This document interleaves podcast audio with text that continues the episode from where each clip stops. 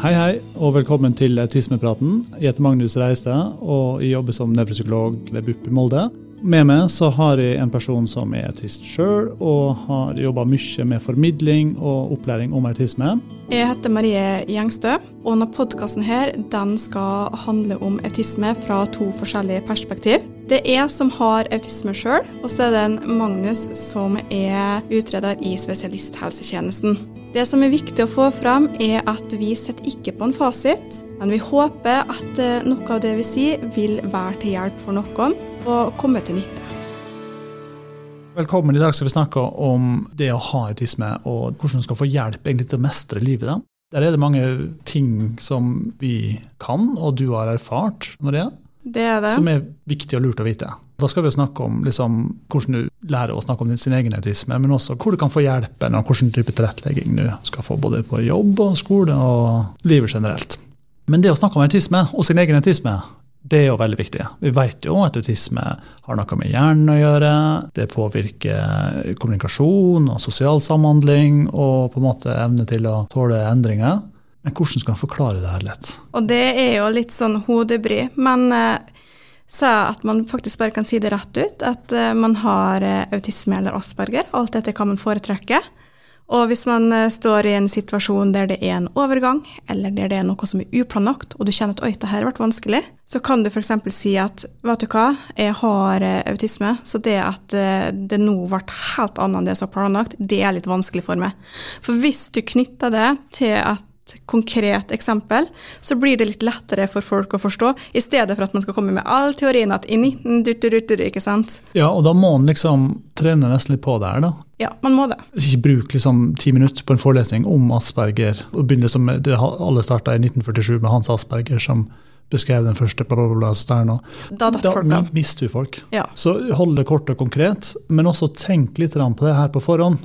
Og det kan hjelpe også å bruke en slags oversikt. og da har vi lagt ut en link til et, et lite sånn enkelt skjema, der du kan se på eh, områder innen autisme, og så kan du se kanskje hva som er vanskelig for deg. Og det kan jo være enten å være sammen med andre, som er liksom en sosial funksjon, eller kommunisere med andre, interesse, atferd, eh, eller noen tilleggsvansker, som f.eks. sensoriske vansker. og sånn. Det kan hjelpe deg i å identifisere litt om hvilke områder er det du kjenner deg igjen i, og hva er det som er viktig for deg. Ja, og det er veldig lurt da, å se på den oversikten. Lage seg en liten mal på hva man kan si i enkeltsituasjoner. Kanskje man kan se for seg de vanligste situasjonene man er borte i dagliglivet. Og så bruke det skjemaet og lage litt setninger ut ifra det, da. Ja, sånn at man har det. Og det, til mer man gjør det, til mer man sier det, til bedre trent blir man, og til lettere går det, da. Ja, jo mer fortrolig blir du egentlig med å beskrive dine egne vansker, og jo lettere blir det. Det er jo ikke alltid at en vanske er framtredende. F.eks. si at du er hos frisør, og så er du ikke sånn kjempeglad i å uh, smalltalke. Men du har også vansker med lyd, men det er kanskje ikke gjeldende akkurat der og da. Og da går det an å si til frisøren at jeg har autisme, jeg blir så stressa med sånn smalltalk, jeg vet ikke hva jeg skal si, alt med sånn, sånn at for meg så er det best og ikke snakke så masse. Det er faktisk en veldig lur ting, da. Å bare kunne si det rett ut sånn. Eh, for dere nevrotypikere, dere liker det enkelt og ikke ti minutter foredrag. Ja. Og så liker vi å få vite og skjønne hvorfor og liksom hva som skal skje. Så, men her må nett og slett trene på det. altså. Og det ja, er erfaringa at du må øve litt på det. Da går det an å øve med liksom noen du kjenner godt, som mamma eller pappa, eller eh, noen andre som du på en måte stoler på og trygg på. Og da er det også sånn med, med det med å si vanskene sine og hva du trenger, egentlig. Det handler også om en slags rød tråd vi har snakka om her i eh, våre eh, samtaler her, er det med skal du skjule det, eller skal du være åpen? Det er jo litt sånn hva man foretrekker sjøl, men personlig jeg vil anbefale å være åpen. Det er ikke snakk om at du skal stå på et tak og skrike det ut, men at du i alle fall er åpen om det til arbeidsgiver til dem du studerer med, eksempel, og til forelesere og til dem rundt deg. Til dem du møter i livet som trenger å vite det, tenker jeg. Altså. For det gir mye mer fordeler enn mm. å ikke være det, og så er det mye lettere for det å være det sjøl. Det gir en annen relasjon til dem du møter da. Og så er det jo noe med det at når man har utfordringer sånn, så er det mye lettere for folk å tilrettelegge og forstå, hvis mm. de veit. Ja, det er en veldig stor kostnad med å late som du er annerledes enn den du er. Og den kostnaden det vet vi jo sånn forskningsmessig, det henger også sammen med psykisk helse. Å være ærlig med seg sjøl og være den du er, da kan du slappe mer av, da har du det bedre, da får du mer ting, og du trives egentlig i, i det. Fordeler som sier, altså Det å få tilrettelegging det kan være på hva som helst nivå. Ofte små barn har kanskje ikke innsikt nok eller vet kanskje ikke nok om seg sjøl til å vite det her. Derfor så må vi voksne på en måte kanskje finne ut for dem. Det er viktig å gi dem ord tidlig for å forklare det, tenker jeg. For da blir det lettere for dem å komme seg fram i livet. Og nå er vi jo tross alt i 2022. Det begynner å bli mer kunnskap om hva autisme er. Og de ser at vi som er på spekteret er forskjellige, så det er ikke ta tabu lenger som eh, det var. Så det å være åpen, det, det, lønner seg. Og som sagt, gi dem ord tidligst mulig. Mm, ja, for, Tilpassa deres nå, selvfølgelig. Selvsagt. Men altså, da tenker jeg at liksom det med pasientopplæring at det er veldig viktig. Altså, fordi da får en knagger å henge opplevelser på, og du får begrep som beskriver ting du øh, opplever, og ting du tenker, og ting som er vanskelig. Når du òg får det, så kommer du da mer framover i livet. Altså, en annen ting også med å være åpen, er jo at du følger med en del rettigheter med diagnose. Poenget med en diagnose er kommunikasjon. Det er det hovedpoenget jeg kanskje tenker det. Kommunisere sånn cirka hvor en person har et vanskeområde. Om du er nærsynt, så er det en diagnose. Da vet vi at du bør ikke sitte veldig langt bak i klasserommet f.eks. hvis du ikke har korrigert syn med briller. For en autismediagnose så vet vi at det kan være vansker med kommunikasjon og sosial eh, samspill og endringer. Så da må man legge til rette for det. Så det åpner en del dører, en diagnose. Og det har vel du kanskje også opplevd? Det har jeg, og det er jo bare det med å få hjelp, og det med å få komme seg på kurs og få vite hva det er for noe. Det å få mer tilrettelagt hjelp gjennom Nav og det å få tilrettelegging gjennom studier som eksempel mentor og oppfølging av rådgiver, da. Så for meg så åpna jo diagnoser Først og fremst da, så åpna det jo den forståelsen. Det aller, aller viktigste. Selv, liksom. For meg sjøl. Ja. Det, var det, aller, det begynner jo der. Ja, det var det viktigste og mest grunnleggende. Og så kom jo egentlig bare alt annet for meg utenpå. For det var på en måte det å få den uh, grunnleggende forståelsen og de knaggene til å henge ting på hva det her var for noe. Ja, for du, altså Det som er litt annerledes med det og i forhold til kanskje mange andre, er jo det med å få diagnosen i, liksom i voksen alder, da, etter at du er voksen. Men da på en måte ramla ting på plass, og du fikk da eh, forståelse sjøl først, og så fikk du hjelp etter hvert også. Ja, og fikk jo eh, den rette hjelpa som jeg trengte da, for å komme meg framover. Og en av den hjelpa som jeg vet du har hatt en god del nytte av, og jeg også har både gitt og syns at uh, funker bra, det er jo et sted der du kan gå og drøfte litt, bare. Absolutt. Og snakke litt. Ikke nødvendigvis en sånn terapi, kanskje, i den sånn tradisjonell terapiforstand at du skal endre en sånn grunnleggende oppfattelse av deg sjøl. Men et sted der du kan eh, sortere tanker og følelser og bare ha litt, få litt oversikt. Det har jeg, og det har betydd alt. Det var jo habiliteringa som mm. ga meg den hjelpa. Det var veldig lite ting som skulle til. Men det handler om rett og slett å bare Hvis man ser for seg en vårengjøring, mm. at det har rengjøring i hodet, og få drøfta en sosial situasjon med en eh, person som er utafor, ikke som er venner eller familie, men en person som er utafor, og drøfta den sosiale situasjonen og reflektert over den situasjonen, og få nye verktøy til å på en måte kunne håndtere ting som oppstår eller har oppstått. Da. Hvor ofte hadde du sånne timer, eller hvor ofte tenker du at det er hensiktsmessig å ha det? Nå så har jeg en gang annenhver måned, faktisk. Men det er jo fordi at jeg har hatt det siden 2016. Først så hadde jeg det jo veldig sånn kontinuerlig, for vi fant ut at ok, jeg måtte ha det forutsigbart, så jeg måtte ha det ofte. Så vi hadde det hver uke, og så hadde vi annenhver uke. Så nå har jeg på en måte gått mer og mer ned. Så det går ned og ned i Ja, og nå har jeg hatt det siden 2016, så jeg er på en måte på den avslutningsfasen. Ja, så i seks år, faktisk. Det. Ja, det trengtes jo, for jeg visste jo null og ingenting når jeg begynte, og var ganske Ja, det var mye som måtte felle på plass, da. Men vi måtte rett og slett fant ut at ok, vi måtte ha forutsigbarhet. Eksempel sånn som i sommerferien. Kunne ikke gå sommerferien uten noe oppfølging. For da var det mye ustrukturert, det var mye spontant som skjedde. Så vi har jo triksa miksa masse for å finne ut hva som funka og ikke funka. Men det har rett og slett vært en sånn, jeg har kalt det en rengjøring. At på en måte hodet har blitt fullt, og så har jeg måttet tømt det. Og så har vi kosta og vaska i lag for å rengjøre hjernen, da, sånn at den er klar til senere. Da. Fin metafor, det, tenker jeg. Og det er min erfaring når jeg, eh, med, med, pasienter jeg har hatt det her med, er jo at bare det å vite at du kan gå og prate med noen om det som skjer, gjør at når en ting skjer, så får du på en måte mindre kraft til å påvirke. Du, tenker, du vil liksom bli tryggere i situasjonen fordi at du kan snakke om det senere. Du blir ikke så stressa av det. Eh, sånn det Du har vet at den er der, og det er bare Ja. kjempeviktig. Bare det å vite at du har et sted å snakke om det her med noen, det har en verdi i seg sjøl. Og det tenker jeg er så viktig, og det er det at alle med den diagnosen her skulle ha hatt en eller to ganger i året der de fikk fast og snakka med noen og rengjort i hodet og blitt henvist hvis det var mer utfordringer, da. Jeg ser på en måte på meg sjøl hvor mye det har hjulpet å bare få ja, så jeg har vært på DPS og før og sånne ting, men det har jo ikke funka noe som helst. Det har jo egentlig bare vært ja, svada, om jeg kan si det sånn. Det er jo ikke svada, da, men for min del, når jeg hadde de diagnosene jeg hadde, så var det det. Jo, men det, altså, det var kanskje også at de holdt på på feil sted. da. Eh, Det var akkurat at de holdt på med litt sånn en følgetilstand fremfor en grunntilstand. Men det er i hvert fall det å ha en vårrengjøring av tanker og følelser, det er nok veldig veldig viktig. altså. Og i hvert fall jeg mener at det, det er viktig med rett hjelp på rett plass. DPS er rett for dem det er rett for, og habilitering er rett for dem det er rett for. At man finner den rette hjelpa da, til også har diagnoser. Ja, Og en grunnleggende forståelse hva det er. Da for er det gull, altså. Men det trenger jo ikke alltid, og det er jo ikke alt, alle som har det tilgjengelig, tenker jeg. Da kan det være andre personer, f.eks. en helsesykepleier, kan være viktig. Og andre i kommunen, som kan være sånne nøkkelpersoner som i ressurstjenesten kanskje, og sånne ting, som, Rask psykisk helsehjelp. som kan uh, bidra med det her. Det viktige er jo liksom det at det er et pågående behov, egentlig, for å som du sier, rengjøre tankene litt.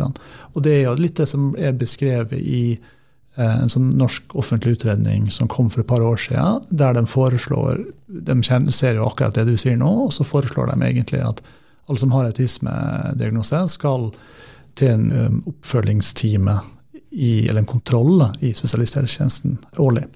Det blir nok ikke noe av pga. ressursmangel. Dessverre. Eh, dessverre, kan Og jeg tror vi kunne ha vunnet mer på å satt inn ressurser der, da. Og på en måte forebygd både utenforskap og ensomhet og psykiske plager hvis vi hadde hatt fått inn det, da. Ja, det er jo det som er vanskeligere å måle, ikke sant? det der, er hva du egentlig sparer med å gjøre ting. For det er vanskeligere å måle rett og slett det som ikke har skjedd. Det å finne en, en person som kan hjelpe deg sånn regelmessig, det har stor verdi. Men, men det er også andre steder å få litt informasjon og kanskje hjelp. Altså så Google og TikTok eh, for eksempel, er jo eksempler på steder der det er Det har flom over. Nå er jeg ikke på TikTok, må bare si det, men eh, du er kanskje det? Jeg er på TikTok, og jeg har eh, fulgt noen av dem som legger ut om autisme og alt det der. Og det er veldig mye bra. Og det er jo kjempebra at vi har mennesker som snakker om det og viser seg fram. Bevisstgjøring, liksom. bevisstgjøring, og det skal vi ha. Vi skal fortsette med det. Det som er utfordring, det er jo det at eh, mange kan eh, kjenne seg igjen. Og det, det er jo bra for enkelte, kan jo oppdage at man har diagnosen med å se det her. Men så er det Det kan gå litt over stokk og stein, da, som vi sier. Vi ser jo enkelte hos oss som på en måte har pugga litt her. der, da, har lest veldig opp, og så kan de alt fra A til Å på forhånd. Så Eh, blir man på en måte også- autisme. Ja, at du på en måte blir det, så ser vi kanskje når vi gjør våre observasjoner og våre undersøkelser, så, så stemmer det kanskje ikke helt med, med det personen sier, men jeg har lest opp en slags sånn liste og kan det på rams. Så, så det er liksom uh, på godt og vondt det her. Og så er det ikke alltid, tenker jeg, at den informasjonen som er tilgjengelig, er av like god kvalitet. Eh, det kan jo være varierende kvalitet her. Um, Man må passe på å ha kildekritikk, og på en måte være litt klar over hva er det man leser. Det jeg syns var bra med Google når jeg fikk diagnose, det var at jeg synes det som på en måte kom fra sykehus og sånn, det syns jeg var litt sånn tørt. Så jeg, jeg brukte Google på en måte til å se etter andre, andre artikler om Asperger, andre folk som hadde det. Så sånn sett så var Google veldig bra. Men jeg måtte passe på å ikke komme inn på sånne blogger der det sto masse negativt om Asperger eksempel, og jeg ble helt nedbrutt for at oi, er jeg sånn, ikke sant? Så det, det å passe på hva er det man leser, hvordan nettside er man inne på, at det er grei nettside man er inne på, da, eller se hva den personen Og det kan være da. veldig vanskelig å skille. og, det, og jeg, ser hva du mener med den tørrheten fra spesialisthelsetjenesten. fordi at veldig ofte så, Når vi skal gi pasientopplæring, så er det jo sånn at vi gir det for autisme generelt. Og da blir det litt sånn stereotypisk. Og så er det sånn at vi vet at det er veldig veldig stor variasjon hvordan det uttrykker seg. Eh, sånn at da kan folk sitte og kjenne seg kanskje på én ting, og så ikke helt med andre. Og så blir det sånn en sånn omtrentlig gruppebeskrivelse, det vi, det vi sier i brosjyrene og, og på en måte de kursene vi har.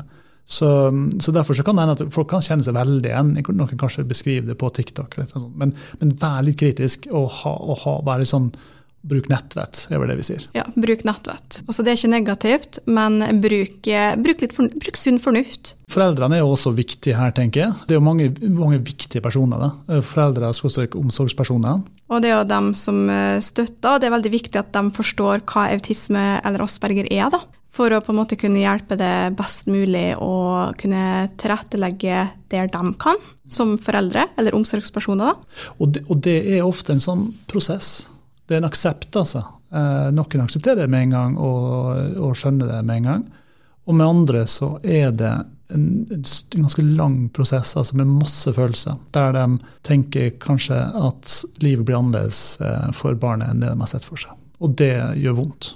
Det, det, ikke, det går ikke alltid like fort. Um, og da må man følge litt foreldrene med det, tenker jeg, hvis du, hvis du fanger det opp. Da, hvis du plukker det opp. Eh, men at foreldrene skjønner og har innsikt og forstår, og godtar, Eh, det er nok veldig, veldig viktig. Altså. Andre steder som, eh, som, er viktige for å få hjelp, altså hva, hva skal du gjøre hvis det, måte, du merker at det trykker litt? Da kan du, si at du går på skolen, og så kanskje du går på ungdomsskolen eller går på videregående, og så kjenner du oi, det, det, er noe som ikke stemmer, eller du har noen tanker som surrer. Så har du helsesykepleier, mm. så du kan gå til å lufte litt tanker og fortelle hvordan du har det. Eller du kan òg gå til en lærer, hvis du stoler mer på læreren mm. din. Så finn en voksen du stoler på, egentlig. Men uh, helsesykepleier er jo veldig grei å gå til hvis du kjenner at det røyner på. Da. Og de har, jo, de har jo opplæring i både sånn gjenkjenningskompetanse i, uh, med autisme, uh, selv om det ikke alltid er like lett å, å, å, kjenne igjen. For det ofte så er det en sånn overskygging, som vi sier. altså At man på en måte ser kanskje at noen er veldig lei seg, f.eks. Så er det lett å tenke depresjon. Og det kan jo godt hende at det er, men under depresjonen så kan det hende at det er autisme. Det kan være vanskelig. Men, men at en, du kan snakke med en helsesykepleier, f.eks., og så kan Hvis en vil ha det her utreda, så er det jo viktig å komme inn i spesialisthelsetjenesten. Og Da er det jo fastlegen som fastlegen. henviser. Og denne kan du òg gå til direkte hvis du ønsker det. Ja. Men helsesøstera, eller altså helsesykepleier som det nå heter, hun kan jo hjelpe til litt i saken. Fastlegen kan jo i noen tilfeller fungere som en samtalepartner i ventetida eller i søknadsprosessen. Mm, ikke sant. Ja, for ofte så er det dessverre ta, kan, kan det ta litt tid. Det er jo stor pågang, eh, merker vi nå. Spesielt etter pandemien så har det vært enormt med, med nye henvisninger av liksom ekte saker, altså sånn der vi finner autisme. Da. Eh, men å komme inn i spesialisthelsetjenesten, og spesialisthelsetjenesten utreder og beskriver eh, da. Og så får du oppfølging i kommunen. Det er det som er sånne går her. da. Eh, og da kan kommunen det kan være mange forskjellige, som vi om i stad. Altså det kan være rask psykisk helsehjelp eller tiltak hjemme, f.eks. Støttekontakt. Den slags. Og så har vi andre ting også, fordi at det er jo, som vi sa, det, følger med noen rettigheter også eh, med en diagnose. Og Nav. Nav, ja. Da må jeg jo først avklare at uh, Asperger eller autisme, det gir jo det er på en måte ikke diagnoser som utretter f.eks. en uføreytelse eller noe annet, men det er funksjonsnivå. Og da kan jo på en måte Asperger hjelpe til å forstå funksjonsnivå, og forstå f.eks. For om du trenger Eller også hvordan du fungerer i arbeid, da. Nav kan jo hjelpe til å tilrettelegge. Og de kan òg hjelpe til å finne ut hvor du passer hen. da. Sånn, litt sånn interessekartlegging og arbeidskartlegging? Ja, kartlegging, da. Og det er jo veldig lurt. Ja, og for det vi vet, liksom sånn, er at de fleste i, som har autisme, de trenger en eller annen form for bistand inn i arbeidslivet. Og Det kan være i mer eller mindre grad, men det er jo vanskelig f.eks. det å sitte på et intervju og selge seg sjøl inn. Det kan være vanskelig å starte opp en jobb og møte nye folk. Og det kan, starte, det kan være vanskelig å vite hvilken type tilrettelegging du trenger. Og så er det dem som kommer inn med nedsatt arbeidsevne, og kanskje må du omskoleres. Og hvis du sitter ute der og føler at du trenger hjelp med det, så er det lurt å ta kontakt med Nav-kontoret der du bor, for å få eh, veiledning om det. For det hender seg at de kan gi eh, skolegang som er godkjent av Nav, hvis eh, arbeidsevna er nedsatt. Da. Og jeg kan jo si at på høgskolen så eh, er det òg på en måte tilrettelegging for oss som har asperger. Og jeg vet òg at noen høgskoler og universiteter de har egne grupper for oss som har diagnosen. Da. Så det er jo blitt et veldig sånn, stort fokusområde. Det med å få oss gjennom både skole og arbeid og utdanning, da. Og det er nok kjempeviktig tenker jeg, å få de der ferdighetene inn, og ofte få hjelp til å komme liksom litt i gang, egentlig. Det er veldig viktig å ha noe å gjøre på om dagen og oppleve mening med, med livet. Så må man gjøre det som på en måte passer en sjøl òg, men jeg vil anbefale å ta kontakt med Nav tidligst mulig i en prosess. For de er en samarbeidspartner, og de eh, har du f.eks. kontakt med en psykolog eller eh, noen andre instanser, så kan de òg være med og samarbeide der, da. Ja, og, Så det er veldig lurt å ta kontakt tidligst mulig og få dem tidligst mulig inn i prosessen, sånn at man får det rett. da. Ofte er det sånn at før du skal ut i arbeidslivet, så må du få en utdannelse. Da har de fleste lån og stipend fra Lånekassa. De òg har jo Stipend stipend, ja. for dem som ikke får til, eller ikke har kapasitet til å jobbe utenom, så er det et eget stipend på en måte som skal være med å komplementere litt. Da. som gjør at du skal slippe altså for det vet jo nå at nå øker levekostnadene veldig, og da per definisjon så går på en måte de fleste studenter underskudd hver måned hvis du bare skal leve av det Lånekassen gir, så de fleste jobber i tillegg. Og det har jo da Lånekassa sett at det er vanskelig, ofte for den som har eh, autisme Eller andre diagnoser, da. eller andre diagnoser. Det er jo sånn generell ordning. Så, og da kan du få et stipend som ikke er lån, som du får bare, sånn at du skal slippe å jobbe og konsentrere deg om studiene. Og da er det en legererklæring legeerklæring eller en psykologerklæring som måte, og det er en ganske grei prosess for å søke, da. Det er ganske rett fram med min erfaring, at det, det blir godtatt, liksom. I oppsummering så er det jo egentlig ganske mange ting som både er lurt og som fins, eh, men det kan jo være litt vanskelig å, finne ut I i systemet. systemet ditt, eller i kommunen din og der du bor, hva er det som er tilgjengelig for det. Men altså sånn generelt sett så er jo Autismeforeninga sine sider kan bidra mye med å, å liksom både rettigheter og hjelp. Ja, og det å hjelpe til å lete fram, da. Og så er det jo det å få møtt uh, Autismeforeninga har jo òg grupper der man kan få møtt andre som har autisme, og har foreldregrupper så foreldre kan få møtt andre som har barn med autisme, da. Så Ja. det er jo viktig å alliere seg i et støttenettverk. Ja, det tenker jeg. Og der, der er det også sånn at da får en informasjon som vi tenker er av god kvalitet. Det gjør man. Flott. Eh, Det var det vi hadde her for eh, i dag, og egentlig også for den eh, ja, Sesongen, sesongen her. her. Så får vi se hva som skjer fremover. Men eh, takk for at du lytta, i hvert fall. Ha det bra. Ha det.